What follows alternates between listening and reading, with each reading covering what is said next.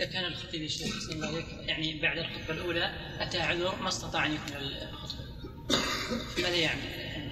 صلى هذا سؤال مهم. يقول لو أن الخطيب في أثناء الخطبة عجز عن إتمامها فهل يتمها الثاني أو يستأنف؟ نعم يتمها الثاني. تصل من اثنين.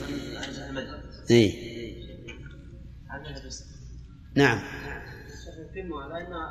لم نشترط الصلاة والخطبة من واحد فأيضا أيضا نشترط الخطبة أن تكون من واحد لكن خطبة واحدة مو خطبتين يعني لو خطب واحد الأولى وواحد خطب الثانية وثالث صلى. هذا صحيح. لكن هذا في أثناء الخطبة الأولى أصابه عذر لم يتمكن. كلها شروط من شروط الجمعة؟ يعني كلها يعني تشترط الجمعة السؤال أجب ولا تعلم. يتصح تصح. نشوف. محل نقاش إن شاء الله.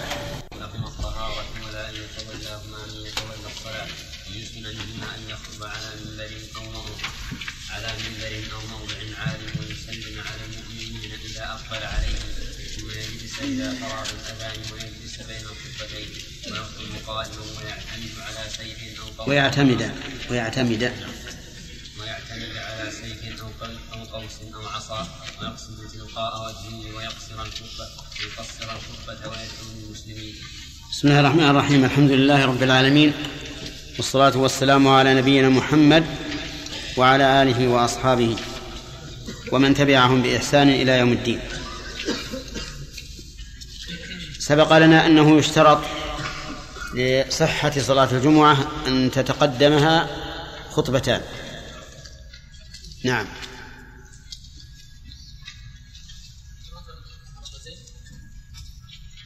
ها؟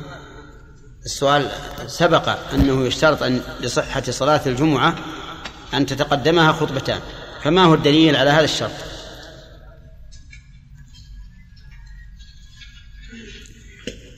أي نعم.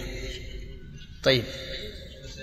النبي صلى الله عليه وسلم كان لا يصلي حتى يفرغ لو قال لك قائل هذا فعل والفعل لا يدل على الوجوب. لأن قاعدة عندنا في أصول الفقه أن الفعل المجرد لا يدل على الوجوب. فؤاد. الآية في سورة الجمعة يا أيها الذين آمنوا إذا نودي لصلاة يوم الجمعة فاسعوا إلى ذكر الله. وهنا الأمر بالوجوب فاسعوا إلى ذكر الله وهي الخطبة. نعم. نعم. فلذلك لابد من السعي لهذه الخطبة والسعي إليها يدل على؟ يدل على وجوب السعي إليه وكذلك وجوب الاستماع إلى هذه الخطبة نعم ووجوب الخطبة كذلك. إيه، هو المهم الآن وجوب الخطبة. هل هذا يدل على وجوب الخطبة؟ نعم يدل على وجوب الخطبة إيه. يدل على وجوب الخطبة لأنه الأمر الله تبارك وتعالى أمر بالسعي إليه تمام؟ نعم. فهذا واجب وكذلك نعم والسعي إلى واجب واجب كذلك. والسعي الواجب لا يكون إلا لواجب. طيب. دليل آخر. أن النبي عليه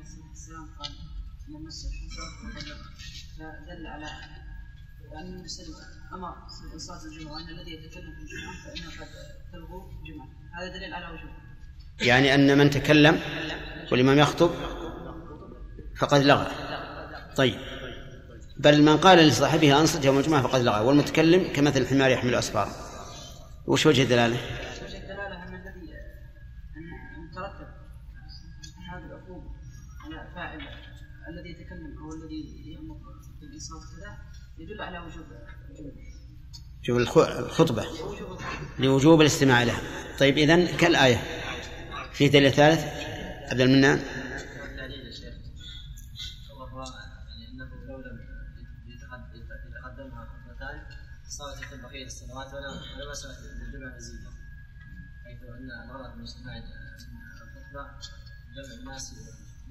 وتذكيرهم نعم. كذلك مواظبة النبي صلى الله عليه وسلم مواظبة غير منقطعة تدل على وجوبها. نعم. نعم يمكن هذا يدل على الوجوب لقول صلوا كما رأيتموني يصلي وهو لم يصلي الجمعة إلا بخطبة. طيب. يكفي هذا. ذكر المؤلف أن لهاتين الخطبتين شروطا اذكر يا فهد الشرط الأول أن يحمد الله عز وجل الحمد لله. بأي صيغة؟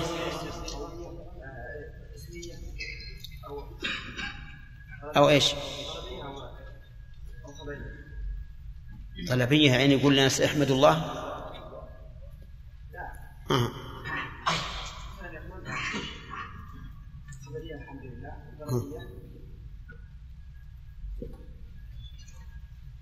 هو الشرط الأول أن يبدأ الآن الحمد لله على نسأل الآن. نعم. الدليل يعني؟ له قال من شرط صحته ما حمد الله. فأقول له بأي صيغة كانت؟ أو لا بد من صيغة معينة. كل صيغة تدل على الحمد لله سواء آه مثل. مثل الحمد لله أو نحمد الله. أو أحمد الله. نعم. يعني سواء كانت فعلية أو أو اسمية. هي قول. نعم. فعلية أو اسمية. ما نريد بالفعل مقابل القول نقول الفعل مقابل الاسم والحرف. طيب. ما هو الدليل على وجوب ذلك؟ شرط اسم أحمد؟ الدليل على شرط الحمد؟ أي نعم. أن الرسول صلى الله عليه وسلم كما في مسلم كان إذا خطب حمد الله وأثنى عليه. نعم. وأيضا أنه داوم على الخطبة على حمد الله وثناء عليه. فدل على الوجوب. لو قال قائل هذا فعل والفعل يدل على الاستحباب.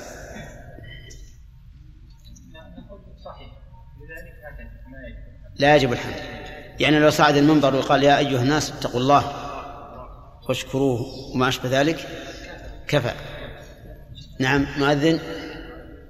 قال النبي صلى الله عليه وسلم الشيء الذي لا كل أمر فهو أبتر وهذا وعيد وعيد على من أراد أن يخطب آه، أن يترك الحمد. لأن الوعيد بنقص البركة يدل على وجوب الحمد. طيب هل يجب فيهما التشهد يا عبيد الله؟ نعم. لا لا يجب. يعني لا يجب أن يقول أشهد أن لا إله إلا الله وأشهد أن محمدا عبده ورسوله. يعني هذا هذا يجب ولكن التشهد. لا لا مو بالتشهد في التحيات. لا يجب لا لا لو هل يجب أن يقول أشهد أن لا إله إلا الله وأشهد أن محمدا عبده ورسوله أو لا يجب؟ بعض قالوا يجب. ها؟ بعض العلماء قالوا يجب. بعض قالوا لا يجب. من قال يجب؟ من قال يجب؟ ها؟ أبو يوسف. أبو يوسف. أي نعم. وشيخ الإسلام ابن تيمية أيضا. يرى أنه يجب أن يتشهد أن لا إله إلا الله وأن محمدا رسول الله لكن المؤلف لا يرى وجوب هذا. طيب. هل تشترط الصلاة على النبي صلى الله عليه وسلم في الخطبتين؟ جمال؟ تشترط؟ ما الدليل؟ أو التعليل؟ التعليل قالوا إن كل كل في فيها ذكر الله لابد أن يختلف معها ذكر النبي صلى الله عليه وسلم. طيب. ومثل من ذلك امثله الأذان والتشهد وغيره. نعم. ولكن هذا قول غير صحيح لأن هناك كثير من العبادات. التعليل غير عليل. هذا التعليل عليل. طيب. لأن من العبادات ما يذكر فيها اسم الله وحده. تمام. طيب. خطب رجل وحوله يا خالد ثلاثون نفرا فقط. وبعد انتهاء الخطبة أتموا أربعين. بعد بعد الخطبه نعم. تصح الخطبتان أو لا؟ لا ما تصح ليش العدد لم يختلف. العدد أربعون لأنه يشترط لصحتهما حضور العدد المشترك.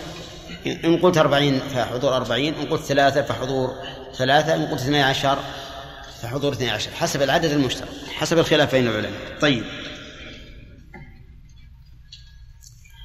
آه، خطب الخطبة الأولى. أي نعم. خطب الخطبة الأولى قبل أن يدخل الوقت. والخطبة الثانية والصلاة بعد دخول الوقت. يعني أن تكون الخطبتان بعد دخول الوقت. نعم. اشترط أن تكون بعد دخول الوقت. هل عندك دليل على هذا؟ لأن الخطبتين من صلاة الجمعه تابعتان. وك تمام. طيب.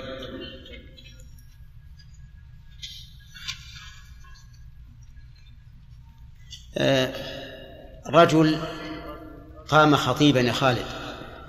قام خطيبا في الناس فجاء بقصة بدر من أولها إلى آخرها ثم نزل. بعد أن حمد الله وأثنى عليه جاء بقصة بدر ثم نزل.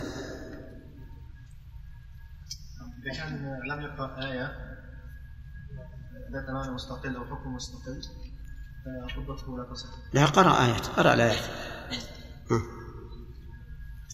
ها. قرأ آية الخطبة على خطبتين فصلها على خطبتين. أو أو في واحدة. ولم يوصي تقوى الله عز وجل؟ أنت سبحان تبي تعد الشروط لأن لأن نقول ها؟ كان أوصى فيها تقوى الله عز وجل معه هنا وقرأ آية نعم. وصلى على النبي صلى الله عليه وسلم. إذا ت... نعم. فإنها تصح. وإلا فلا. طيب. يقول المؤلف يا سلامة إنه من شرط صحة الخطبتين أن يوصي بتقوى الله. هل لا بد أن يقول يا أيها الناس اتقوا الله أو إذا أتى بما يدل على الأمر بالتقوى يكفي؟ مثل.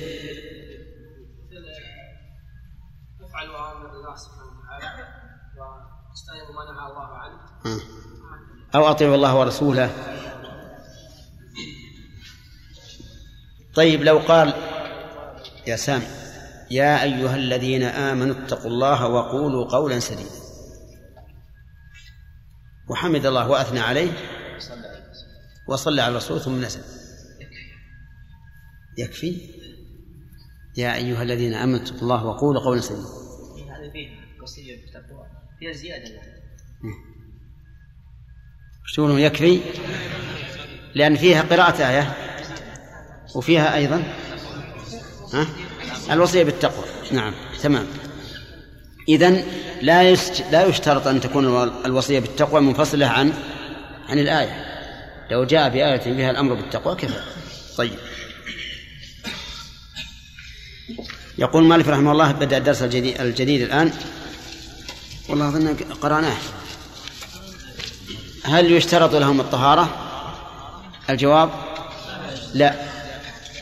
فلو صلى محد فلو خطب محدثا وبعد انتهاء الخطبتين ذكر أنه على غير طهارة فالخطبتان صحيحتان ويتوضأ ويصلي قال ولا أن يتولاهما من يتولى الصلاة. نعم. ثم جاء امام اخر أو اصبر ما أصبر شوي أصبر. إي نعم نعم. جزاك الله خير. تنبيه طيب. قال ولا أن يتولاهما من يتولى الصلاة. يعني لا يشترط أن يتولى الخطبتين من يتولى الصلاة. فلو خطب رجل وصلى آخر فهما صحيحتان. الخطبتان صحيحتان والصلاة صحيحة. ولكن هل يشترط أن يتولاهما واحد؟ أو يجوز أن يخطب الخطبة الأولى واحد, والثاني واحد. نقول يجوز. يعني ولا يشترط أن يتولاهما واحد. فلو خطب رجل وخطب الثانية رجل آخر صح. ولكن هل يشترط أن يتولى الخطبة الواحدة واحد؟ بمعنى لو أن أحدا لو أن رجلا خطب الخطبة الأولى في أولها وفي أثنائها نزل تذكر أنه على غير وضوء مثلا فنزل ثم قام آخر فأتم الخطبة. هل تجزئ؟ لم أرى حتى الآن من تكلم عليها. ولكن هم ذكروا في الأذان أنه لا لا يصح من رجلين. يعني لا يصح أن يؤذن الإنسان أول الأذان ثم يكمله آخر لأنها عبادة واحدة عبادة واحدة. فكما أنه لا يصح أن يصلي أحد ركعة ويكمل الثاني الركعة الثانية فكذلك لا يصح أن يؤذن شخص أول الأذان ويكمله آخر. أما الخطبة فقد يقال إنها كالأذان يعني لا بد أن يتولى الخطبة الواحدة واحد فلا تصح من اثنين سواء لعذر أو لغير عذر. إن كان لغير عذر فلا فالظاهر أن الأمر واضح لأن هذا شيء من التلاعب. واحد يخطب أول الخطبة ثم ينزل ويقوم الثاني يخطب لكن إذا كان لعذر مثل أن يذكر الإمام الذي بدأ الخطبة أنه على غير وضوء ثم ينزل يتوضأ. فهنا نقول الأحوط للثاني أن يبدأ الخطبة من جديد. حتى لا تكون عبادة واحدة من من شخصين. هذا هو الأحوط. نعم. يقول ولا أن يتولاهما من يتولى الصلاة. ومن سننهما طيب إذا كان لا يشترط أن يتولاهما من يتولى الصلاة فهل يشترط أن يكون العدد الحاضر لهما هو العدد الحاضر للصلاة؟ نعم. يعني مثلا لو خطب بأربعين ثم خرج. ومعه أربعون رجلا أصحاب له. فخرجوا معه. ثم جاء أربعون وصلوا الجمعة. نقول هذا لا يصح لأنه لا بد أن يكون أن يحضر الخطبتين. نعم. ومن سننهم المؤلف الماتن لم لم يذكر ما يبطل الخطبتين. لكن ذكر الشارح أنهما تبطلان بالكلام المحرم. تبطلان بالكلام المحرم. يعني لو أن الخطيب في أثناء الخطبة تكلم كلاما محرما كقذف أو لعن أو ما أشبه ذلك فإنها تبطل. لأن ذلك ينافي مقتضى الخطبة. المقصود بالخطبة وعظ الناس وزجرهم عن الحرام فإذا كان الخطيب نفسه يفعل الحرام فإنها تبطل. ولم يذكر أيضا هل يشترط أن تكون الخطبتان باللغة العربية؟ والجواب عن هذا أن نقول إن كان يخطب بعرب فلا بد أن تكون باللغة العربية ولا أشكال في هذا. وإن كان يخطب بغير العرب فقال بعض العلماء لا بد أن يخطب أولا بالعربية ثم يخطب بلغة القوم الذين عنده. وقال الآخرون لا لا يشترط أن يخطب بالعربية بل يجوز أن بل يجب أن يخطب بلغة القوم الذين يخطب فيهم. وهذا القول هو الصحيح لقوله تعالى وما أرسلنا من رسول إلا بلسان قومه ليبين لهم. ولا يمكن أن أن ينصرف الناس عن موعظة وهم لا يعرفون ما ماذا قال الخطيب. والخطبتان ليستا مما يتعبد بألفاظهما حتى نقول لا بد أن يكون باللغة العربية. أما إذا مر بالآية فلا بد أن تكون بالعربية. كذا؟ لأن القرآن لا يجوز أن يغير لا بد أن يكون باللغة العربية. طيب. قال المؤلف رحمه الله ومن سننهما أي, أي, أي الخطبتين أن يخطب على منبر منبر وزن مفعل من النبر وهو الارتفاع أي على شيء مرتفع. وكان النبي صلى الله عليه وسلم يخطب في أول الأمر إلى جذع نخلة في مسجده ثم صنع له منبر من خشب الغابة الأثل وصار يخطب عليه. ولما خطب عليه أول جمعة صاح جذع النخلة كما تصيح الإبل العشار حتى نزل النبي صلى الله عليه وسلم وسكته فسكت. والناس يسمعون هذا. ثم صار يخطب على المنبر. وإنما كان ذلك سنة اقتداء بالنبي صلى الله عليه وسلم. ولأن ذلك أبلغ في إيصال الخطبة إلى الناس. لأنه إذا كان مرتفعا سمعه الناس أكثر. ولأن و و وكذلك إذا كان مرتفعا رآه الناس بأعينهم. ولا شك أن تأثر السامع إذا رأى المتكلم أكثر من تأثره وهو لا يراه. وهذا أمر مشاهد. ولهذا كان من من هدي الصحابة على ما ذكر أن النبي صلى الله عليه وسلم إذا خطب استقبلوه بوجوههم ليكون ذلك أبلغ في حضور القلب والانتفاع بالخطبة. طيب.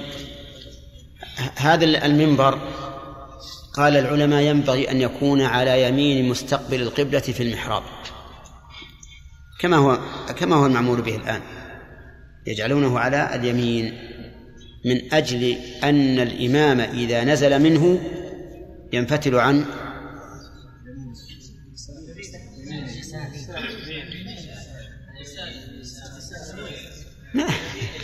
هذه ما تبي خلاف يا جماعة. إذا نزل منها انفتح عن يمينه ما ما في أشكال هذا إذا كان المنبر عن يمين مستقبل القبلة في المحراب فإن الإمام إذا نزل ينفتل عن يمينه لأن المحراب عن يمينه. وهذا ما ما يحتاج إلى إلى هذا الخلاف. طيب. يقول أو موضع عال. أو موضع عال.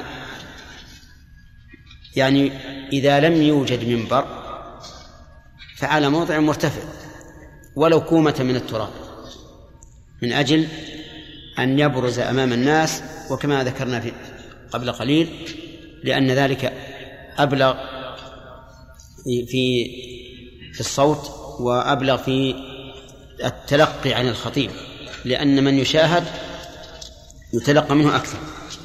ثم قال وأن يسلم على المأمومين إذا أقبل عليهم. نعم. إذا أقبل عليهم.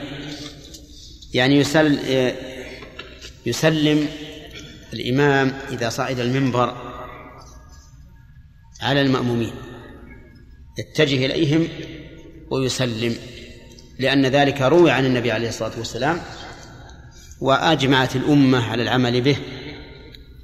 فهو وإن كان من حيث الحديث المرفوع وإن كان ضعيفا لكن الأمة عملت به واشتهر بينه أن الخطيب إذا جاء وصعد المنبر فإنه يسلم على الناس. وهذا التسليم العام. أما الخاص وهو أنه إذا دخل المسجد سلم على من يلاقيه أولا فهو أيضا من السنة بناء على النصوص العامة أن الإنسان إذا أتى قوما فإنه يسلم عليه. فيكون إذن يكون للإمام سلامان. السلام الأول إذا دخل باب المسجد سلم على من حوله على من يمر به. والثاني إذا صعد المنبر فإنه يسلم تسليما عاما على جميع المصلين. ثم يجلس إلى فراغ الأذان. يعني إذا سلم جلس حتى يفرغ المؤذن. وفي هذه الحال يتابع المؤذن على أذانه لأن النبي صلى الله عليه وسلم قال إذا سمعتم المؤذن فقولوا مثل ما يقول المؤذن. وهذا عام. فينبغي للإمام وهو على المنبر أن يجيب المؤذن وكذلك المأمومون. يجيبون المؤذن فيقولون مثل ما يقول إلا في الحيعلتين. فإنهم يقولون لا حول ولا قوة إلا بالله. طيب. ويجلس بين الخطبتين. نعم لأنه ثبت عن النبي صلى الله عليه وسلم أنه كان يجلس بين الخطبتين ولأنه لو لم يجلس لم لم يتبين التمييز بينهما. إذ قد يظن الظان أنه سكت لعذر منعه من الكلام لكن إذا جلس تميزت الخطبة الأولى من الثانية فهذا دليل وتعليل. الدليل ما هو؟ فعل النبي صلى الله عليه وسلم. والتعليل التمييز بين الخطبة الأولى والثانية وذلك لأنه لو لم يجلس فإنه وإن وقف عن الكلام قد يظن الظان يا عبد الرحمن أنه وقف لعذر. نعم. و ويقصد تلقاء وجهه. يقصد تلقاء وجهه. أيضا كيف؟ أي نعم نعم. ويخ وأن يخطب قائما يعني يسن أن يخطب قائما لفعل النبي صلى الله عليه وسلم. ولأن ذلك أبلغ أبلغ بالنسبة للمتكلم لأن القائم يكون عنده من الحماس أكثر من من الجالس. ولأنه أبلغ أيضا في إيصال الكلام إلى الحاضرين. لا سيما في الزمن السابق ما ليس فيه مكبر صوت. فلذلك آه، نقول يسن في الخطبتين أن يكون قائما للدليل والتعليل. أما الدليل ففعل النبي صلى الله عليه وسلم. وأما التعليل فما سمعته.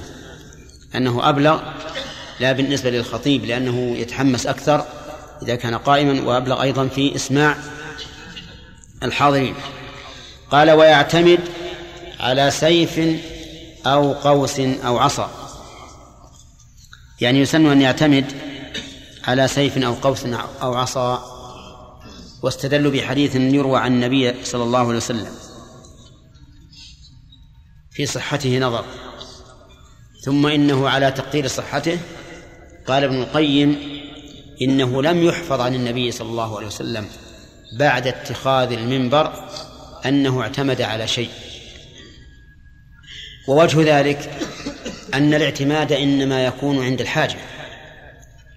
فإن احتاج الخطيب إلى اعتماد مثل أن يكون ضعيفا يحتاج أن يعتمد على عصا فهذا سنة لأن ذلك يعينه على القيام الذي هو سنة وما أعان على السنة فهو سنة. ما أعان على السنة فهو سنة. أما إذا لم يكن هناك حاجة فلا حاجة إلى حمل العصا. ثم إن تعليلهم بأنه إشارة إلى أن هذا الدين فتح بالسيف. فهذا فيه نظر أيضا. الدين لم يفتح بالسيف. لأن السيف لا يستعمل في الدين إلا عند المنابذة. إذا أبى الكفار أن يسلموا أو يبذلوا الجزية فإنهم يقاتلون. أما إذا بذلوا الجزية فإنهم يتركون. هذا هو القول الذي تدل عليه الأدلة. ف ثم إن الإسلام في الحقيقة لم يفتح المسلمون البلدان إلا بعد أن فتحوا القلوب. فتحوا القلوب أولا بماذا؟ بالدعوة إلى الإسلام. وبيان محاسن الإسلام. بيان محاسن الإسلام بالقول وبالفعل. وليس كزماننا اليوم نبين محاسن الإسلام بإيش؟ بالقول.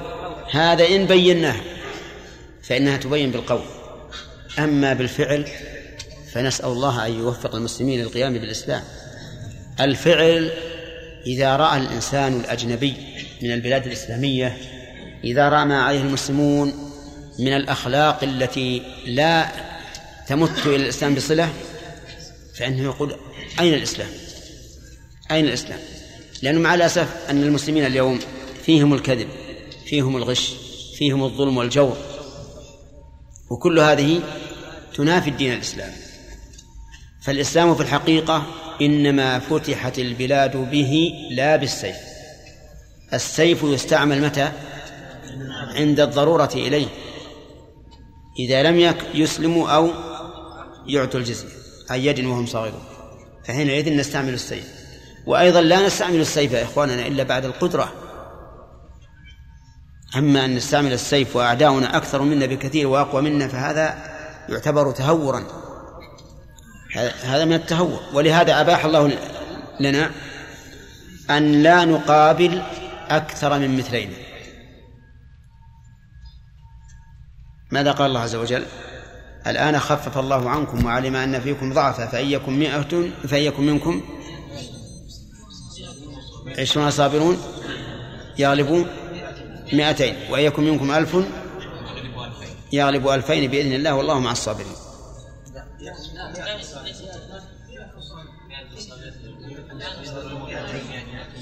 نعم وإن يكن منكم الآن خفف الله عنكم وعلم أن فيكم ضعفا. فإن يكن منكم مئة صابرة يغلبوا مئتين وإن يكن منكم ألف يغلب ألفين بإذن الله. والله مع الصابرين. فأقول إن التعليل بأن الدين فتح بالسيف فيه نظر جدا وفيه أيضا استغلال للكفار حيث يقولون إنكم أنتم أيها المسلمون. فتحتم بلادنا في الأول بإيش؟ بالقوة. بالقوة والسيف. ما فتحتموها بالدعوة بل بالقوة. يقول وأن يقصد تلقاء وجهه. يقصد يعني يستقبل تلقاء وجهه. ما يتجه لليمين أو لليسار بل يكون أمام الناس. لأنه إن اتجه إلى اليمين أضر بأهل اليسار وإن اتجه إلى اليسار أضر بأهل اليمين. وإن اتجه تلقاء وجهه لا لم يضر بأحد. هذا هو طبيعته. والناس هم الذين ينصرفون إليه. فإن قال قائل هل من السنة أن يلتفت يمينا وشمالا؟ نعم. الظاهر أن هذا ليس من السنة وأن الخطيب يقصد تلقاء وجهه ومن أراده التفت إليه. طيب وهل من السنة أن يحرك يديه عند الانفعال؟ نعم. ها؟ الإصبع يشير به عند الدعاء. لا إنما يقول يا أيها الناس اتقوا الله خافوا الله إن كان عنده ماصد ربها. نعم. هل هذا من السنة؟ ليس من السنة. ليس من السنة. وإن كان بعض الخطباء بلغني أنهم يفعلونه لكنه ليس من السنة. أما الخطبة التي غير خطبة الجمعة فهذا قد نقول أنه من المستحسن أن الإنسان يتحرك بحركات تناسب الجمل التي يتكلم فيها. أما السنة أما خطبة الجمعة فإن فإن المغلب فيها التعبد. فإذا ولهذا أنكر الصحابة رضي الله عنهم على مروان بن الحكم حين رفع يديه في الدعاء. مع أن الأصل في الدعاء رفع اليدين لكن أنكروا عليه لأن لأن مسألة لأن خطبة الجمعة يغلب فيها جانب التعبد فلا يشرع فيها إلا ما جاء عن النبي صلى الله عليه وسلم فقط. ويقصد تلقاء وجهه ويقصر الخطبة يقصر الخطبة يعني يجعلها قصيرة. كقول النبي صلى الله عليه وسلم إن طول صلاة الرجل وقصر خطبته مئنة من فقه. فالأولى أن يقصر الخطبة لأن في تقصير الخطبة فائدتين. الفائدة الأولى أن لا يحصل الملل للمستمعين. لأن الخطبة إذا طالت ولا سيما إن كان إن كان الخطيب يلقيها إلقاء عابرا لا يحرك القلوب ولا يبعث الهمم فإن الناس يملون يتعبون منها وإن كانوا جلوسا يملون الفائدة الثانية أن ذلك أوعى للسامع وش معنى أوعى؟ يعني أحفظ للسامع لأنها إذا طالت أضاع آخرها أولها. وإذا قصرت أمكن وعيها وحفظها.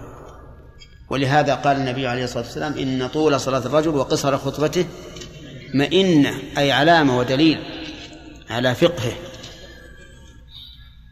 وأنه يراعي أحوال الناس. أحيانا تستدعي الحال إلى التطويل. فإذا أطال الإنسان أحيانا لدعاء الحال لاقتضاء الحال ذلك فإن هذا لا يخرج عن كونه فقيها. وذلك لأن الطول والقصر أمر نسبي أمر نسبي. وقد ثبت عن النبي عليه الصلاة والسلام أنه كان يخطب أحيانا بسورة قاف. وسورة قاف مع الترتيل والوقوف على كل آية تكون طويلة لا شك. نعم. ويقصر الخطبة ويدعو للمسلمين. يعني ينبغي أيضا أن يدعو في خطبته للمسلمين. أئمتهم ومأموميهم يعني الرعية والرعاة.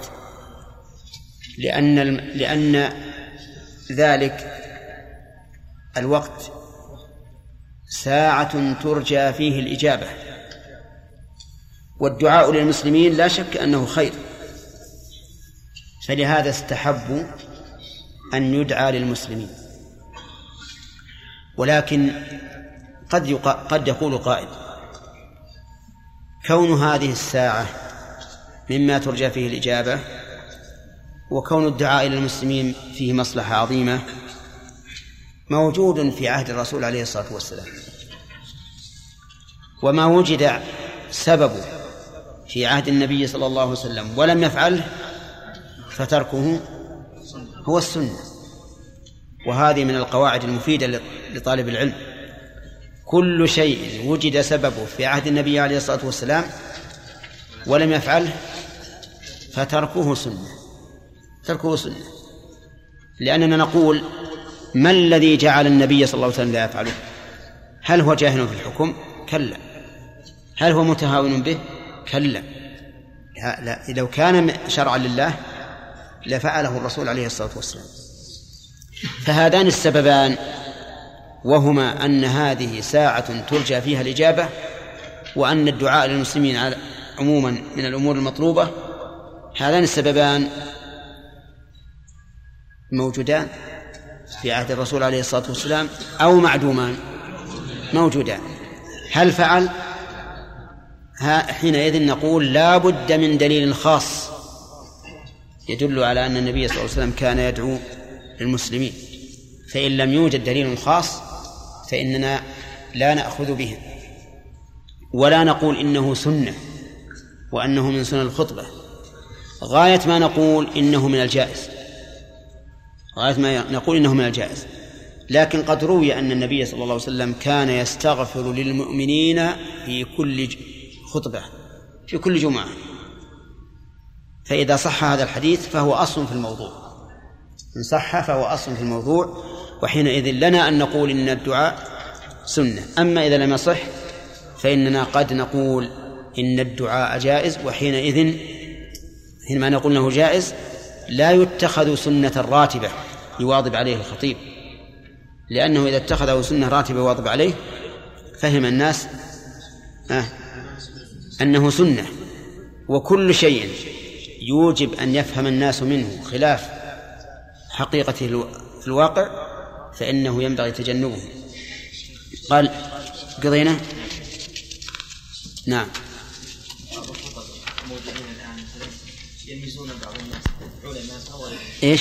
يلمزونهم أو يرتبون اثناء انهم فعلوا انهم كذا جاهل هذا كلام وشلون يعني؟ ها يعني يغتابون الناس؟ اي أثناء الخطبة يتكلمون يقول فلان من العلماء أو غيره يقول فعلوا كذا وفعلوا كذا يعني إما تصريحا يصرح الشخص أو وصفا ان يكون هم يوجد كثير. والله هذه إذا كان المقصود التحذير مثل لو أن عالما قام يدعو إلى بدعة. فقام الخطباء يبينون هذا. من الناس من يقوم يدعو إلى كذا ويحذر هذا طيب. قال خير السرايا أربعمائة وخير الجيوش أربعة آلاف ولا يغلب اثني عشر ألف مكلم الدليل على أنه ممكن مواجهة الكفار ولو كنا أقل منهم إيه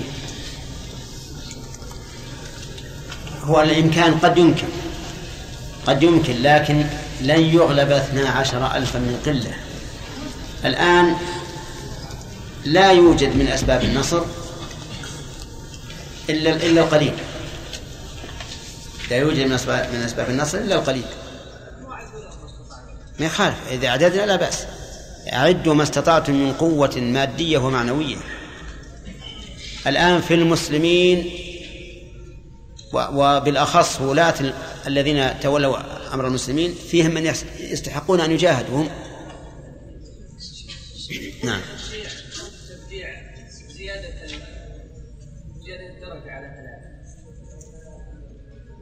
ما نرى هذا. ما نرى هذا. نرى هذا أمر أمر عادي. ما ما في التعبد ما نقول أنه بدعة. لا. نعم. الصحيح أنه لا يدوم إلا على فعل لا يدوم دم شديدا إلا على فعل محرم أو اشتراك أنا قلت في حديث ما من قوم يسلمون ولم يصلوا على رسول الله إلا قاموا كما قاموا. يجلسون مجلسا. ما ما ما جلس قوم مجلسا لا يذكر الله فيه ولم يصلوا على نبيهم. إيه. لكن مسكون نجعله شرطا في الخطبة خاصا فيه نظر. قد نقول إن القوم إذا قال المؤذن أشهد أن لا إله إلا الله وأشهد أن محمد رسول الله ثم تابعوه ثم صلوا عليه بعد الأذان حصل المقصود.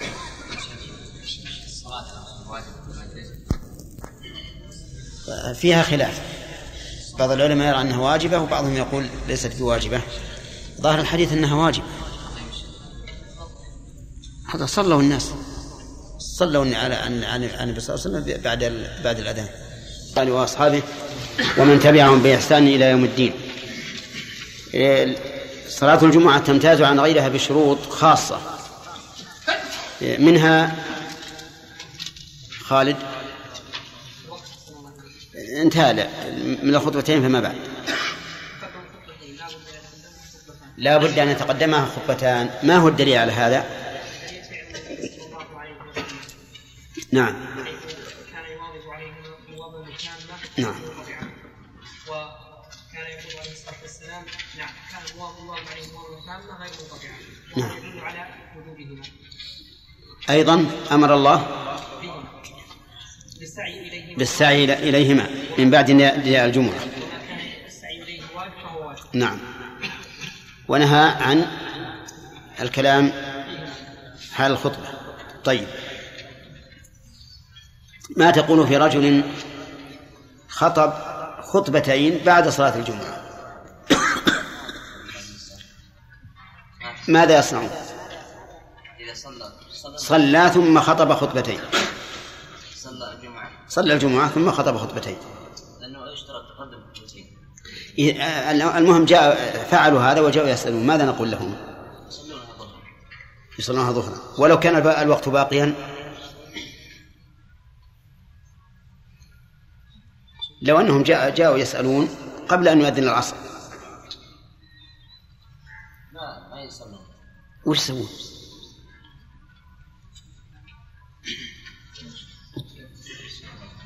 طيب. يعيدون الخطبة والصلاة إذا الصلاة مبنية على لم تأتي في موضع يعني يخطب إذا إذا كان يعيد الخطبة والصلاة. نعم. تفصيل إذا باقي وقت للخطبة اي باقي باقي وقت. يعني باقي ساعة أو ساعتين. لابد يعيدون جمعة وش يعيدون؟ يعيدون جمعة والخطبة الخطبة والجمعة. تبقى الخطبتان ويعيدون الصلاة. يعيدون الصلاة فقط؟ إيه. ما تقولون؟ عندنا قولان الآن. الثاني هو الصحيح. الفاصل ما يضر. لا يشترط الموالاة. طيب إذا يعيدون الصلاة فقط الجمعة فقط. طيب. آه، ما تقول في رجل خالد؟ رجل خطب خطبة بليغة جدا جدا ولكنه لم يقرأ فيها شيئا من القرآن.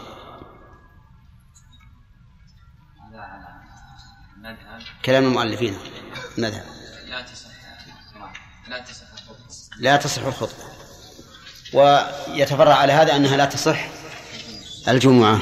تمام. لأنه من شرط الخطبتين أن تشتمل على قراءة آية.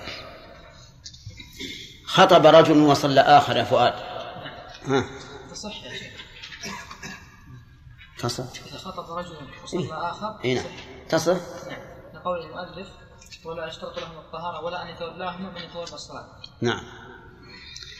ما تقولون في قوله؟ صحيح. ولكن استدلاله غير صحيح. ها؟ لأن قال لقول المؤلف. وهذا يقتضي أن قول المؤلف حجة ودليل. نعم. إلا أن تقول إن, إن أني أنا مقلد. طيب. على كل حال نقول إنها تصح. نقول تصح. لأن الخطبتين أتيا أتتا على وجه صحيح والصلاة أيضا على وجه صحيح. طيب لكن الأفضل أن يتولاهما من؟ يتولى الصلاة. طيب. رجل خطب مضطجعا. الأخ. تجزي الخطبة؟ تجزي. آه لأن من سننهما أن يخطب قائما. صحيح. صح. طيب. يا أرشاد ما تقول في رجل خطب مستدبرا للناس؟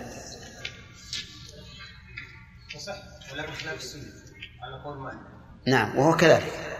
تصح ولكنه خلاف السنة. السنة أن يقصد تلقاء وجهه. نعم.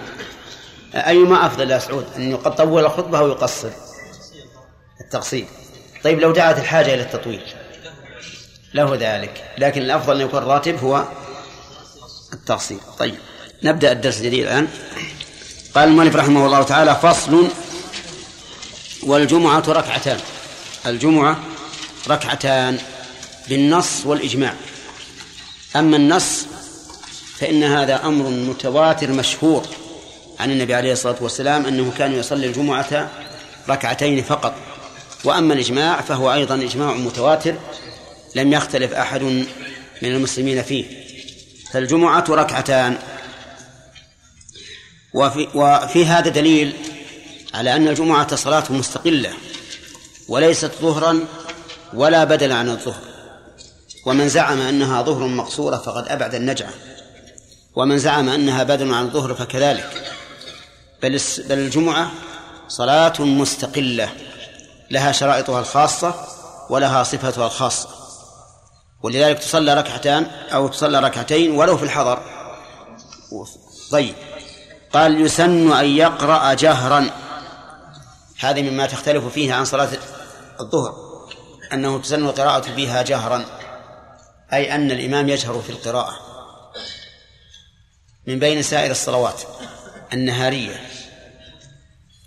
ونحن إذا تأملنا الصلوات الجهرية وجدنا أنها الصلوات الليلية المكتوبة المغرب والعشاء والفجر.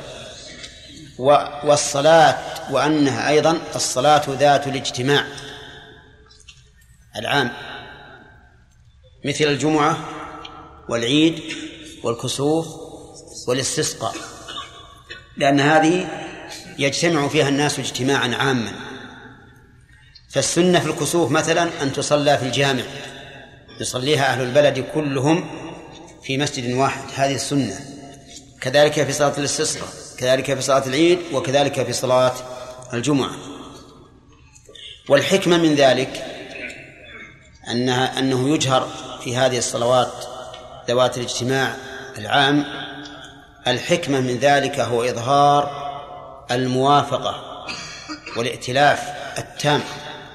لأنه إذا كان الإمام يجهر صارت قراءته قراءة للجميع فكأنه عنوان على ائتلاف أهل البلد كلهم. واضح؟ أما في الليل فالحكمة من ذلك وأنه قد يكون أنشط للمصلين إذا سمعوا إذا سمعوا القراءة ولا سيما إذا كان الصوت إذا كان الصوت جيدا والقراءة لذيذة فإن الناس سوف ينشطون أكثر. ولأجل أن يتواطأ القلب واللسان من جميع الحاضرين. طيب يسن أن يقرأ جهرا. وقوله يسن أن يقرأ جهرا يؤخذ منه أنه لو قرأ سرا لصحت الصلاة لكن الأفضل جهرا. في الأولى بالجمعة وفي الثانية بالمنافقين. يعني يقرأ في الأولى بالجمعة ويقرأ في الثانية بالمنافقين ثبت ذلك عن النبي صلى الله عليه وسلم. والمناسبة فيها ظاهرة. أما الجمعة فالمناسبة أظهر من الشمس لأن فيها ذكر الأمر بالسعي إلى صلاة الجمعة. وأما المنافقون فالمناسبة ظاهرة من أجل أن يصحح الناس قلوبهم ومسارهم إلى الله تعالى كل أسبوع. ينظر الإنسان في قلبه هل هو من المنافقين أو من المؤمنين فيحذر ويطهر قلبه من النفاق. وفيه أيضا من فائدة أخرى أن يقرع أسماع الناس أو أن يقرع أسماع الناس التحذير من المنافقين كل جمعة. لأن الله قال فيها عن المنافقين هم العدو فاحذرهم. وهذا مناسبة تامة. وله أن يقرأ بسبح والغاشية. ثبت ذلك أيضا في صحيح مسلم أن الرسول يقرأ بسبح والغاشية. فهل يجمع بين السورتين؟ أو هذه مرة وهذه مرة؟ نقول هذه مرة وهذه مرة. فإن الذي ثبت عن النبي عليه الصلاة والسلام أنه كان يقرأ إما هذا وإما هذا. فالسنة أن يقرأ مرة بهذا ومرة بهذا. ولكن لو أن الإنسان راعى أحوال الناس فصار في أيام الشتاء الباردة يقرأ بسبح والغاشية لأن الناس ربما يحتاجون إلى التبول بواسطة البرودة. وفي أيام الحر الشديد أيضا يقرأ بسبح والغاشية لأن لا سيما إذا كان المسجد ليس فيه تبريد كافي. فيقرأ بسبح والغاشية من أجل التسهيل عليهم. وذلك أن من هدي النبي صلى الله عليه وسلم أنه ما خير بين أمرين إلا اختار أيسرهما ما لم يكن إثما. والقاعدة العامة في الشريعة الإسلامية هي اليسر. فإذا ك... فإذا علمنا أن الأيسر على المصلين أن نقرأ بسبح والغاشية وذلك في شدة البر وشدة الصيف فالأفضل أن نقرأ بهما وهي سنة ثابتة. أما في الأيام المعتدلة الجو فينبغي أن يقرأ بهذا أحيانا وبهذا أحيانا لئلا تهجر السنة. لأننا نذكر أن بعض شيوخنا كانوا يداومون على سبح والغاشية لا يقرؤون سواه فلما قرئ بهم في سورة سبح و في سورة الجمعة والمنافقين استنكروا هذا. استنكروا هذا. قال هذا تطويل. والرسول عليه الصلاة والسلام نهى معاذا عن التطويل. نعم. لماذا؟ لأنها لما هجرت السنة صارت عند العامة كأنها بدعة. فالذي ينبغي للأئمة أن يراعوا السنة الثابتة عن النبي صلى الله عليه وسلم. أما سبح الغاشية فالمناسبة فيه مظاهرة لأن في سبح أمر الله تعالى بالتذكير فقال فذكر إن نفعت الذكرى سيذكر من يخشى والإمام قد ذكر في الخطبة فينبه الناس على أنهم إن كانوا من أهل خشية الله فسوف إيش؟ فسوف يتذكرون. وفي الغاشية واضح أيضا المناسبة ذكر يوم القيامة وأحوال الناس فيها. وجوه يومئذ خاشعة عاملة ناصبة. ووجوه يومئذ ناعمة. لسعيها راضية. وفيها أيضا التذكير. فذكر إنما أنت مذكر لست عليهم بمسيطر. فالحاصل أن قراءة النبي صلى الله عليه وسلم لهذه السور الأربع لا شك أنها من من أعظم المناسبات. يقول في الأولى بالجمعة وفي الثانية بالمنافقين. من هم المنافقون؟ المنافقون هم الذين يظهرون الإسلام ويبطنون الكفر. وإن تسموا بالإسلام فهم كفار بل أخبث من الكفار. وكل من أظهر حسنا وأبطن سيئا فهو شبيه بهم. ولهذا قال النبي عليه الصلاة والسلام آية المنافق ثلاث إذا حدث كذب وإذا وعد أخلف وإذا اؤتمن خان طيب الجمعة فيها أيضا مناسبة عظيمة غير مسألة الأمر بالسعي الجمعة وهي أن الله تعالى ذكر عن اليهود الذين حملوا التوراة ثم لم يحملوها لم يعملوا بها أن مثلهم كمثل الحمار. تحذيرا لنا من أن نكون مثلهم لأن المسلمين لو أنهم لم يحملوا القرآن أي لم يعملوا به صاروا مثل اليهود أو أخبث منهم. لأن من ميز على غيره بفضل كان تكليفه بالشكر أكثر وهذه الأمة ميزت على غيرها بالفضل فكان الواجب عليها أن تكون أفضل من غيرها عملا. ففيها تحذير مثل الذين حملوا التوراة ثم لم يحملوها كمثل الحمار فيها تحذير لنا ألا نحمل القرآن. الكريم. طيب يقول رحمه الله وتحرم إقامتها في أكثر من موضع من البلد إلا لحاجة. هذا أيضا من خصائص الجمعة. يا خالد أنت معنا من خصائص الجمعة أنها تحرم إقامتها في أكثر من موضع من البلد. أما غير الجمعة فإنها تصلى في الدور. في الدور. إيش في الدور؟ الدور الأحياء. ففي حديث عائشة رضي الله عنها أن النبي صلى الله عليه وسلم أمر ببناء المساجد في الدور. وأن تنظف وتطيب. في الدور يعني الأحياء. ولهذا يقال دار بني فلان دار بني فلان أي حيهم. طيب آه، ما سوى الجمعة؟ يصلى في الأحياء. كل حي يصلي في مسجده. غير الجمعة الجمعة يجب أن تكون في مسجد واحد. لأنها لو فرقت في مساجد الأحياء لانتفى المعنى الذي من أجله شرعت الجمعة ولتفرق الناس ولصار كل قوم ينفضون عن موعظة تختلف عن موعظة الآخر فيتفرق البلد ولا يشربون من نهر واحد. واضح؟ وأيضا لو تعددت الجمعة لفات المقصود الأعظم وهو جمع المسلمين وائتلافهم لأنهم لو تركوا لو تركوا كل قوم يقيمون الجمعة في أحيائهم في حيهم لو تركوا كذلك ما تعارفوا ولا تآلفوا. وبقي كل جانب من البلد لا يدي عن الجانب الآخر. فهذه من حكم الجمع الجمعة أن يجتمع الناس في مكان واحد وعلى إمام واحد ويصدرون عن رأي واحد وعن ويشربون من نهر واحد. ولهذا لم تقم الجمعة أكثر في أكثر من موضع لا في زمن أبي بكر ولا عمر ولا عثمان ولا علي ولا في زمن الصحابة كلهم. ولا في زمن التابعين وإنما أقيمت في القرن الثالث بعد 276 تقريبا.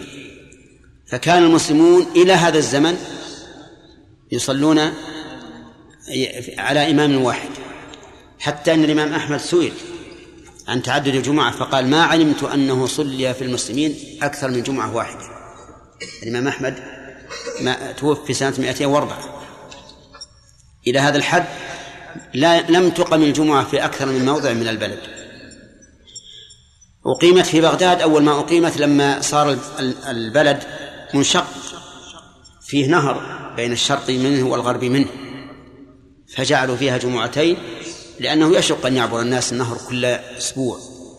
فجعلت آه، جمعتين. وعلي بن أبي طالب رضي الله عنه في الكوفة أقام صلاة العيد في الصحراء وجعل واحدا من الناس يقيم في المسجد الجامع داخل البلد للضعفاء. فمن هنا ذهب الإمام أحمد رحمه الله إلى أن صلاة الجمعة إذا كان لحاجة يجوز تعددها لحاجة. على كل حال إقامتها في أكثر من موضع من البلد محرمة. محرمة. قد يقول قائل ما هو الدليل على التحريم؟ نقول الدليل أن النبي عليه الصلاة والسلام قال صلوا كما رأيتموني أصلي.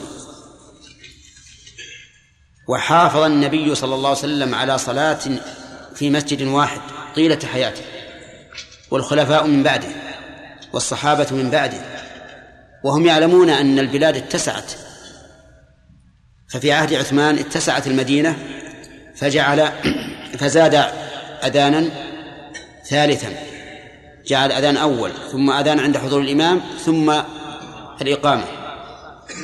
ولم يعدد الجمعة.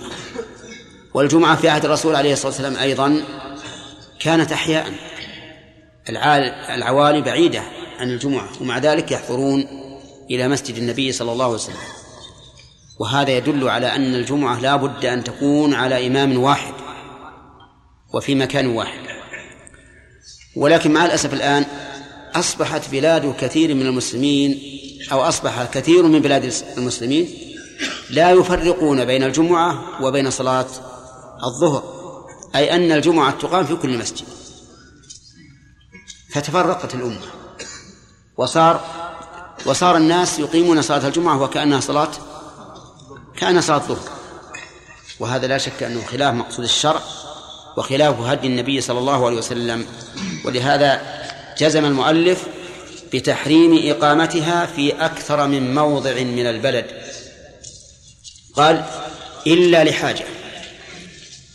إلا لحاجة والمراد بالحاجة هنا ما يشبه الضرورة لأن هناك ضرورة وحاجة.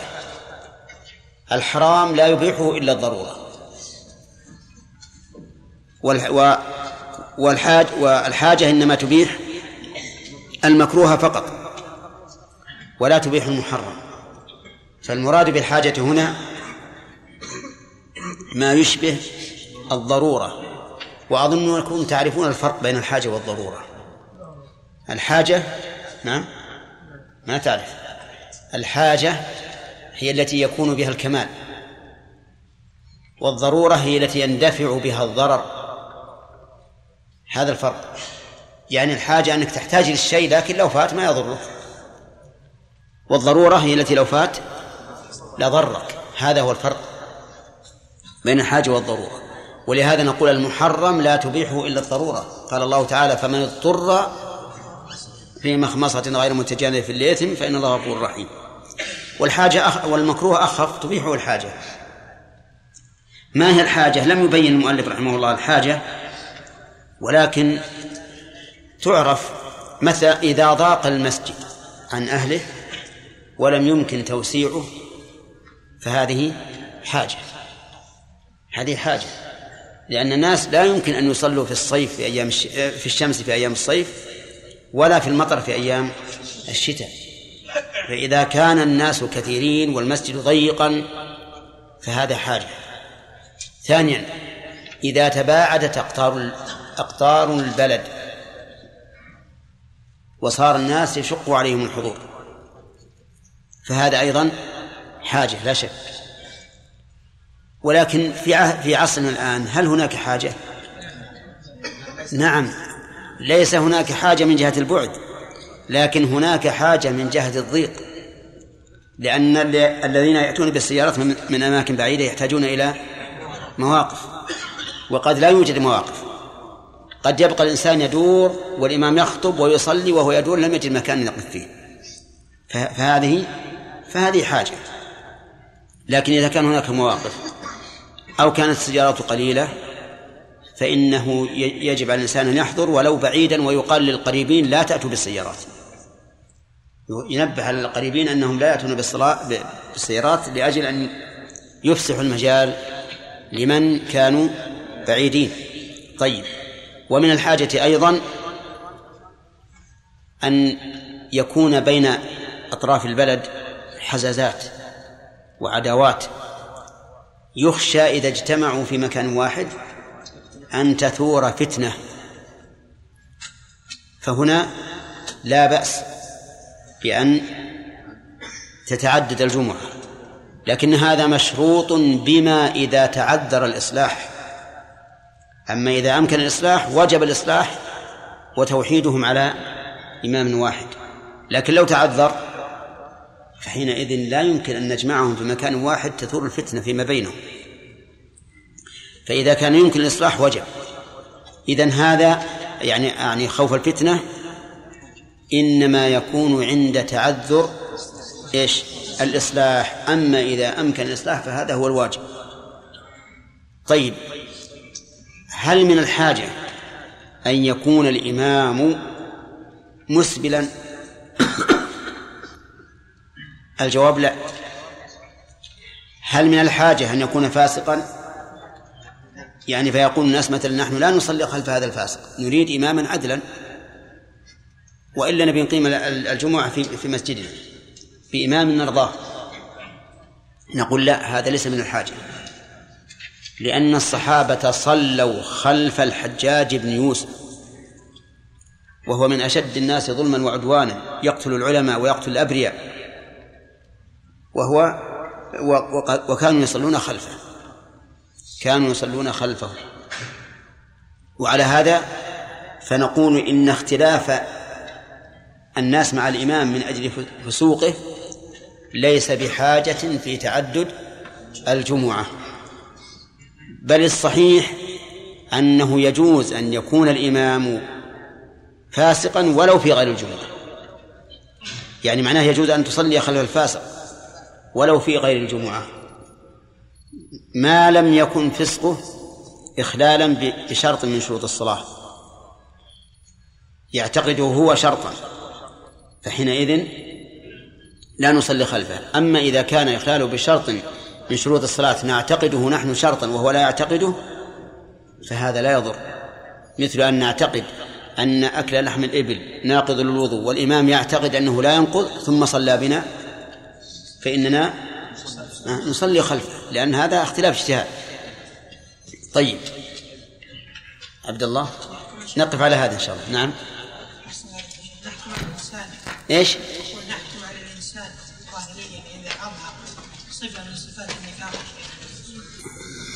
لا. نحكم عليه بأنه منافق في هذه الخصلة. نعم. بارك الله فيكم. احتج علينا بان الحجاج له سلطة على الصحابة. نعم. لو صلى في مسجد آخر يبقيه. بينما لو كان فاسقا. يعني ليس له سلطة. لا لا هذا غير وارد. لأن مثل ابن عمر رضي الله عنه ما يهمه الحجاج. ما يهمه أن يصلي في مسجد آخر يقيم الجمعة ويدع الحجاج لا ما يقتل أبدا. لا هو يتودد إليه. نعم.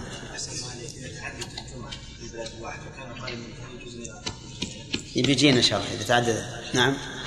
بعض الناس الصلاة يقرأ آيات الناس إيش؟ الصلاة يقرأ آيات الناس بالخطبة نعم. هذا هذا خلاف السنة. جائز.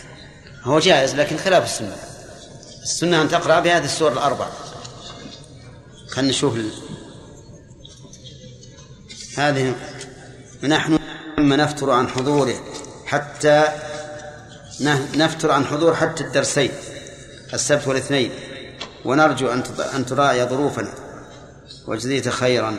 ملاحظة. عدد الطلبة الذين يأتون من بعيد كثر. وش الدليل؟ ما أدري. طيب. نعم. عبد الله. إيش؟ وغير أعد أعد. بعض الائمه يخطب الناس ثم يغير صوته حينما من الايات نعم. هل هذا نقول إنه بدعه لأنه لم يرد عن النبي صلى الله عليه وسلم؟ ام نقول إنه يعني لا بأس به لأنه يؤثر الناس. تقولون في هذا؟ يقول لو أن الإمام إذا أراد أن يتلو الآية في الخطبة رتلها كما يرتلها خارج الخطبة. هل نقول هذا بدعة؟ أو نقول إنه سنة؟ أو نقول إنه حسن؟ لا بأس به وهو حسن. نعم. المعروف عن عند علمائنا ومشايخنا أنهم لا يغيرون. يجعلون التلاوة واحدة. وأنا لا أظن أن في هذا بأسا. لا أظن أن في هذا بأسا ولكنه خلاف ما نعتاده. فهو بدعة عرفية. لا بدعة شرعية. نعم. أحمد؟ ان النبي صلى الله عليه وسلم ما عدد الجمعه في عهده يعني الصحابة كانوا ما عدد الجمعة في عهده لأن الصحابة كانت تقول شهود نعم. قصة بني سلمة أنا يا أخ أحمد أنا أنصحك أنت وإخوانك أنصحكم عن هذه الإرادات التي البعيدة. فكروا في الأمر الصلوات الخمس يصلون في أحيائهم يصلون في أحيائهم ثم إذا سلمنا جدلا كما قلت فهل الخلفاء الراشدون مثل الرسول؟ ما عددوها. واللي بعدهم التابعون ما عددوها. ولهذا أنا قلت لكم كثيرا وأقول كثيرا الاحتمالات العقلية لا تريدونها على الأدلة الشرعية. ترى هذا يفتح لكم جدلا ما له سألني سائل اليوم في الصباح سؤال الحقيقة اقشعر منه الجلد قال إن الله قال عن أهل النار لو ردوا لعادوا لما نهوا عنه. كيف يعودون وهم قد ذاقوا العذاب؟ نعم؟ هذه هذه خطيرة. الله يقول لو ردوا لعادوا لمن عنهم. نقول كيف كيف يعودون وهم قد ذاقوا العذاب؟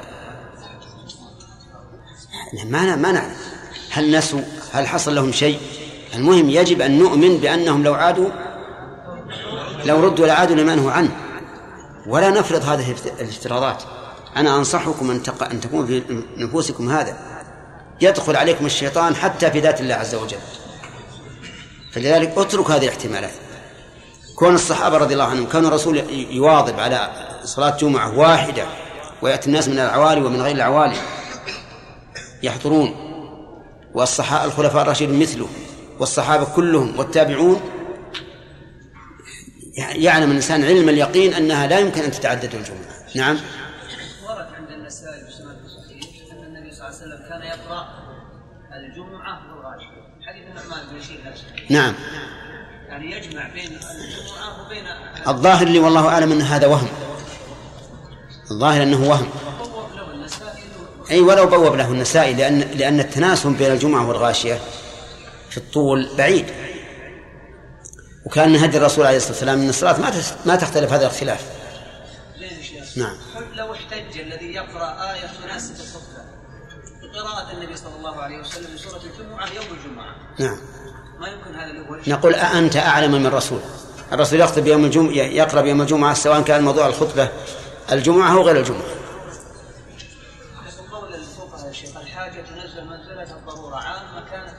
يا أخي لماذا تستغل الموقف ثلاث أسئلة جميلة يمكن أسئلة كثيرة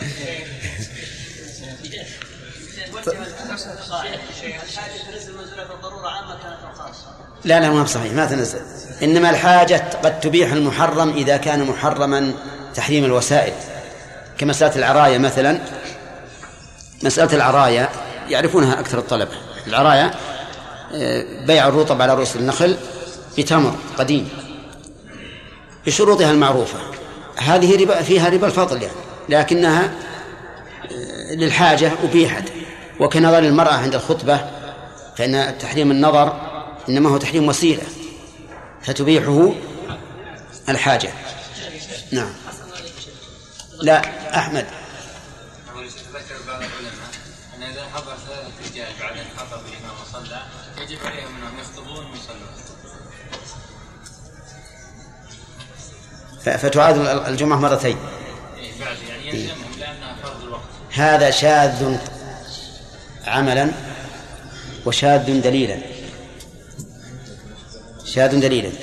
لأنه ما كان هذا معهودا في عادة الصحابة وأيضا الرسول قال من أدرك ركعة من الجمعة فقد أدرك الجمعة والجمعة لا تقام إلا مرة واحدة في عهد الرسول صلى الله عليه وسلم. والصلاة والسلام على رسول الله قال المؤلف رحمه الله تعالى فصل والجمعة ركعتان يسن أن يقرأ جهرا في الأولى بالجمعة وفي الثانية وفي الثانية وفي الثانية بالمنافقين وتحرم إقام إقامتها في أكثر من موضع من البلد إلا لحاجة فإن فعلوا فالصحيحة ما باشر ما باشرها الإمام. باشرها. ما باشرها. باشرها الإمام أو أو أذن فيها فإن استويا في إذن أو عدمه كالثانية بطلت. لا فالثانية باطلة. الثانية باطلة. نعم وإن وقعتا معا. وإن وقعتا مع أو أو جهلت أو جهلت الأولى بطلتا وأقل وأقل السنة بعد الجمعة ركعتان وأكثرها ست ويسن أن يغتسل. ويسن أن يغتسل وتقدم ويتنظف ويتطيب ويلبس أحسن أحسن ثيابه بس الحمد لله رب العالمين والصلاة والسلام على نبينا محمد وعلى آله وأصحابه ومن تبعهم بإحسان إلى يوم الدين كم عدد صلاة الجمعة؟ نعم. ركعتان. ما الدليل؟ نعم.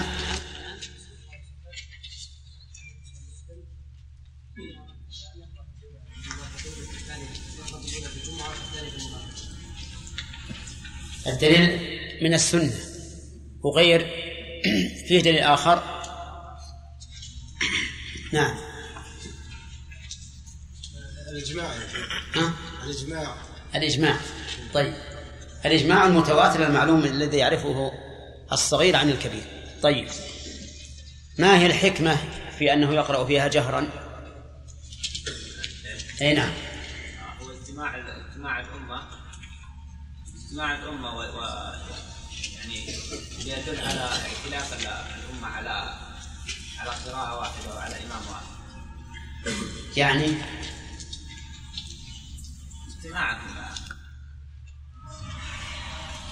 طيب. يقولون لا لا تقبل رفع اليدين إلا من آخر واحد من الص- الصفوف. يحتجوا علينا مشكلة. يلا يا جماعة. وين أنت؟ ارفع يدك. طيب. نعم. إظهار الائتلاف وت- وتوحيد الكلمة حيث كانوا يس والموافقة حيث كانوا يصدرون عن قراءة واحدة بإمام واحد. تمام. هل لها نظير من من الصلاة الن- النهارية؟ لا أنت بالوسط شوف آخر. نعم. ها؟ صلاة العيدين. صلاة العيدين. وغيره وصلاة الكسوف. وغيره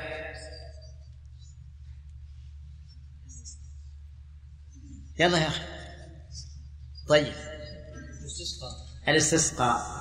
لأن كل هذه الصلوات السنة فيها الاجتماع على إمام واحد. طيب. ما الذي يقرأ في صلاة الجمعة؟ ثبت انه يقرا في الجمعه والمنافقون هذه أو أو سبح نعم. يقرأ إما الجمعة والمنافقين أو سبح والغاشي طيب ما هو الأولى فيما ذكرناه؟ أن يقرأ هذا أو هذا. نعم. أنت. نظر بهذا ونظر بهذا مرت بهذا وهذا. لكن ما الذي ما الأفضل أن يراعي؟ اذا كان في فيقرا بالايسر نعم. ثم اذا كان في مره بهذا ومره بهذا طيب. صح. حكم إقامة الجمعة في أكثر من موضع؟ لا ورع ها. أي نعم أنت. اللي يقول أنا يحرك يده علشان أعرف أنه هو. طيب أنت. لا يجوز إقامتها في أكثر من موضع. طيب هل عندك دليل على هذا؟ الدليل فعل الرسول صلى الله عليه وسلم والخلفاء الراشدين لم يقيموا أكثر من جمعة. نعم. مع تباعد البلد. كان في عهد الرسول تسعة مساجد في المدينة ولا ولا يقام فيها الجمعة إلا واحد واحد فقط. طيب. هذا آخر ما درسنا. ها؟ يقول المؤلف إلا لحاجة. ما المراد بالحاجة هنا؟ أخذنا طيب. لا هنا هنا. أين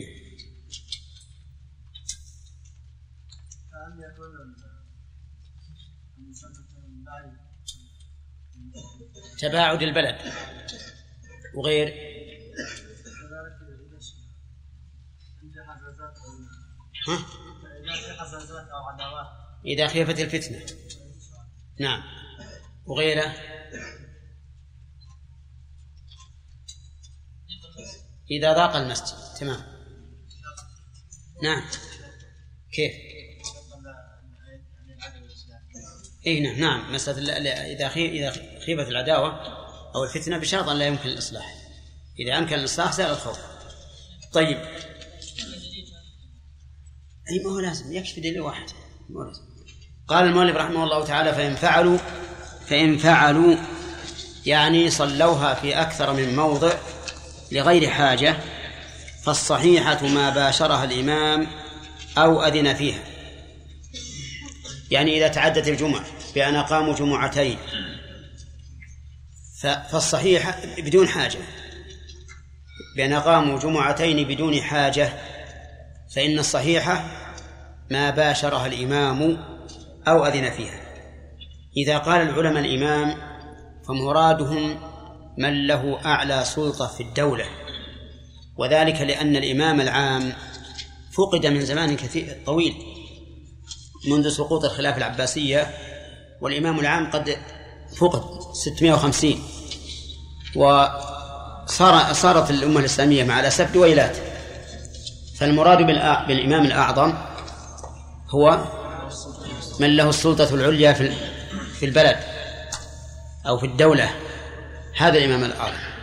فإذا تعددت الجمعة في موضع واحد لغير حاجة فالصحيحة ما باشرها الإمام. يعني ما صلى فيها سواء كان هو الإمام أو كان مأموما. وكانوا فيما فيما سبق لا يصلي الجمعة إلا الإمام. الإمام يتولى الإمامة صلاة الجمعة صلاة العيدين وقيادة الحجيج. نعم. لكن تفرقت الأمة. وقولها أذن فيها يعني إن لم يباشرها. مثل أن يكون بلد الإمام في محل آخر وهذا البلد الذي فيه تعدد الجمعة لم يكن الإمام حاضرا لكنه أذن. قال أذنت لكم أن تقيموا جمعتين فأكثر. وهذه المسألة ليست مبنية على ما سبق في قول المؤلف لا يشترط لها إذن الإمام. لأن إذن الإمام هناك لا تشترط في إقامة الجمعة الواحدة. أما في التعدد فلا بد من إذن الإمام. والفرق بينهما ظاهر. الأولى لو قلنا إنه يشترط لإقامة الجمعة إذن الإمام لكانت لكانت الفرائض باختيار من؟ باختيار الأئمة أما هذه وهي وهي تعدد الجمعة فلا بد من إذن الإمام لماذا؟ لئلا يفتات عليهم وتتفرق الأمة وتتمزق وهذا أمر يرجع إلى الدين من جهة وإلى نظام الدولة من جهة أخرى. إلى الدين من جهة أن الدين لا, لا الدين ينهانا عن التفرق في دين الله. قال تعالى أن أقيموا الدين ولا تتفرقوا فيه. من جهة النظام الدولة وأن ولي الأمر هو له الكلمة يكون في هذا افتيات على الإمام. يكون كل طائفة من الناس تود أن تتزعم البلد تجعل في في محلها جمعة. فلهذا لا بد من إذن الإمام في كمل في تعدد الجمعة. فإذا أذن الإمام في الجمعة زائد عن الواحدة فإنه يصح. ولهذا قال فالصحيحة ما باشرها الإمام أو أذن فيها. معنى ما باشرها فؤاد إما أن يكون هو إمام أو مأموم يعني صلى فيها سواء كان إماما أو مو أو أذن فيها إذا لم يكن فيها.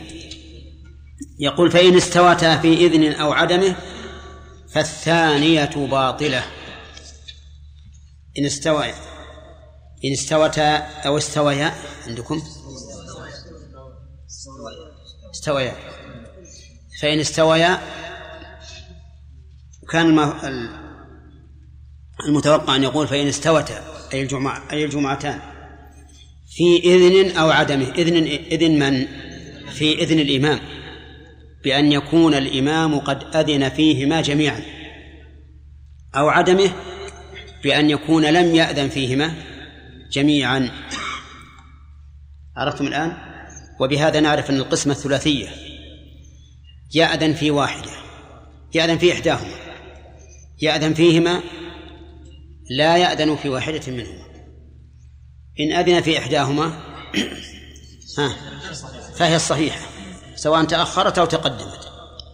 وإن أذن فيهما جميعا أو لم يأذن فيهما جميعا يقول المؤلف فالثانية باطلة.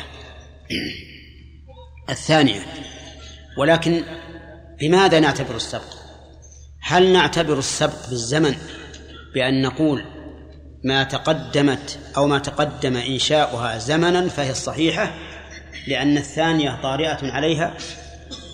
أو نقول بالتقدم عملا فما سبقت بتكبيرة الإحرام فهي الصحيحة. أنتم فاهمين؟ ها؟ الأول أو الثاني. فيها قولان للحضور كما أن فيها قولان لمن سبقوا. المذهب أن المعتبر التأخر عملا. التأخر عملا. فيكون المراد بالثانية ما تأخرت عن الأولى بتكبيرة الإحرام. ما تأخرت عن الأولى بتكبيرة الإحرام فهي الباطلة. وما سبقت بتكبيرة الإحرام فهي الصحيحة أفهمتم الآن؟ ولكن كيف نعلم؟ نقول أما في الزمن السابق فالعلم بتقدم إحداهما بالإحرام قد يكون صعبا. أما في الزمن هذا فالعلم بتقدم إحداهما بالإحرام قد يكون سهلا. بأي بأي وسيلة؟ بمكبر الصوت. مكبر الصوت. إذا سمعنا قال هذا قال قالت الأولى الله قال الإمام في الأولى الله أكبر. ثم قال الإمام في الثانية بعده مباشرة الله أكبر. قلنا للثاني صلاتك باطلة وللأول صلاتك صحيحة لأن الأول لما سبق بالإحرام تعلق به الفرض. الصلاة الأولى التي سبقت بالإحرام تعلق بها الفرض لأنها سبقت. وعند المذهب تدرك تدرك الصلاة بتكبيرة الإحرام. فإذا سبقت بتكبيرة الإحرام تعلق الفرض بها وصارت هي الصلاة المفروضة والثانية باطلة. وقال بعض العلماء المعتبر السبق زمنا فما كانت قد أنشئت أولا فالحكم لها لأن الثانية هي التي حدثت على الأولى فهي تشبه مسجد الضرار الذي بناه المنافقون عند مسجد قباء. وقال الله لنبيه لا تقم فيه أبدا. وهذا القول هو الصحيح بل هو المتعين. هو الصحيح أن المعتبر السابقة ها زمنا وإنشاء. ولو تأخرت عملا فلو فرضنا أن الجديدة التي أنشأت حديثا وبدون إذن الإمام صلوا ركعة قبل أن تقام الثانية التي هي الأولى إنشاء فآيتهما الصحيحة. الثانية الثانية التي تأخرت عملا وسبقت زمنا لأن الوارد عليها هو الذي أخطأ. هو الذي أخطأ. من هم الذين أرادوا تفريق المسلمين؟ الثانية ولا الأولى؟ الثانية لا شك. لأن الناس مجتمعون على الأولى. فجاء هؤلاء وأنشأوا مسجد جامع فرقوا الناس. فيكون الحكم للأولى. هذا هو القول الصحيح المتعين. لكن على المذهب تعتبر السابقة عملا فأيتهما سبقت بالإحرام فهي الصحيحة. ولهذا قال فالثانية باطلة. وإن وقعتا معا إن وقعتا معا بطلتا معا. إن وقعتا معا بطلتا معا. نحن نستمع الآن إلى المسجد الشمالي والجنوبي فقال كل إماميهما الله أكبر جميعا. تكبيرة رجل واحد. وصلوا صلوا الجمعة كلهم. ماذا نقول لهم؟ صلاتكم جميعا باطلة. صلاتكم جميعا باطلة. لأنها لم تتقدم إحداهما حتى يكون لها مزية. لم تتقدم إحداهما حتى يكون لها مزية. وإذا لم يكن لها مزية صارت كل واحدة تبطل الأخرى كالبينتين إذا تعارضتا. ها؟ تساقطتا. تعرفون البينتين؟ يعني شاهد شهود بكذا وشاهد شهود اثنين بضدهم في قضية واحدة. تبطل الشهادة الشهادات كلها. وعلى القول الذي رجحناه ما الذي يصح؟ ها؟ إنشاء. شوف القول الصحيح سبحان الله يكون أيضا تطبيقه سهلا. على القول الذي رجحنا نقول أيهما الأول؟ أي المسجدين أولا؟ قال المسجد الشمالي. نقول أهل المسجد الشمالي صحت جمعتهم وأهل المسجد الجنوبي لم تصح جمعتهم. واضح يا جماعة؟ طيب على كلام المؤلف حيث اعتبر السبق بالعمل أي بتكبيرة الإحرام إذا وقعتا معا كبر الإمامان جميعا. نعم. فالصلاتان باطلتان. أو جهلت الأولى بطلتا. إذا جهلت الأولى بطلتا. طيب كيف جهلت الأولى؟ يعني صلوا ولا ندري أيهما الذي يتقدم في تكبير الإحرام. ما نعرف. نقول بطلت صلاة المسجد الشمالي وصلاة المسجد الجنوبي. ليش؟ هذا هو. بطلت. طيب إذا قالوا أقرعوا بيننا. أقرعوا بيننا. ها؟ طق وزرع هل اللي تقع له القرعة؟ تصح صلاته. يقول هذا ما صح. هذه عبادة. لا تصح القرعة فيها. طيب قالوا إذا لما بطلتها دعونا نصلي من جديد جميعا. نجتمع في هذا المسجد ونصلي جميعا. نقول لا يمكن ولا تصلوا جميعا. الجمعة وقتها باقي. نقول لا يمكن. لا يمكن. في المسألة الأولى إذا وقعتا معا لما قلنا بطلتا قالوا دعونا دعونا نصلي جمعة. نقول ما يخالف أبشر. صلوا جمعة جميعا. صلوا جمعة جميعا. في المسألة الثانية إذا جهلت الأولى نقول بطلتا فإذا قالوا دعونا نصلي جمعة قلنا لا.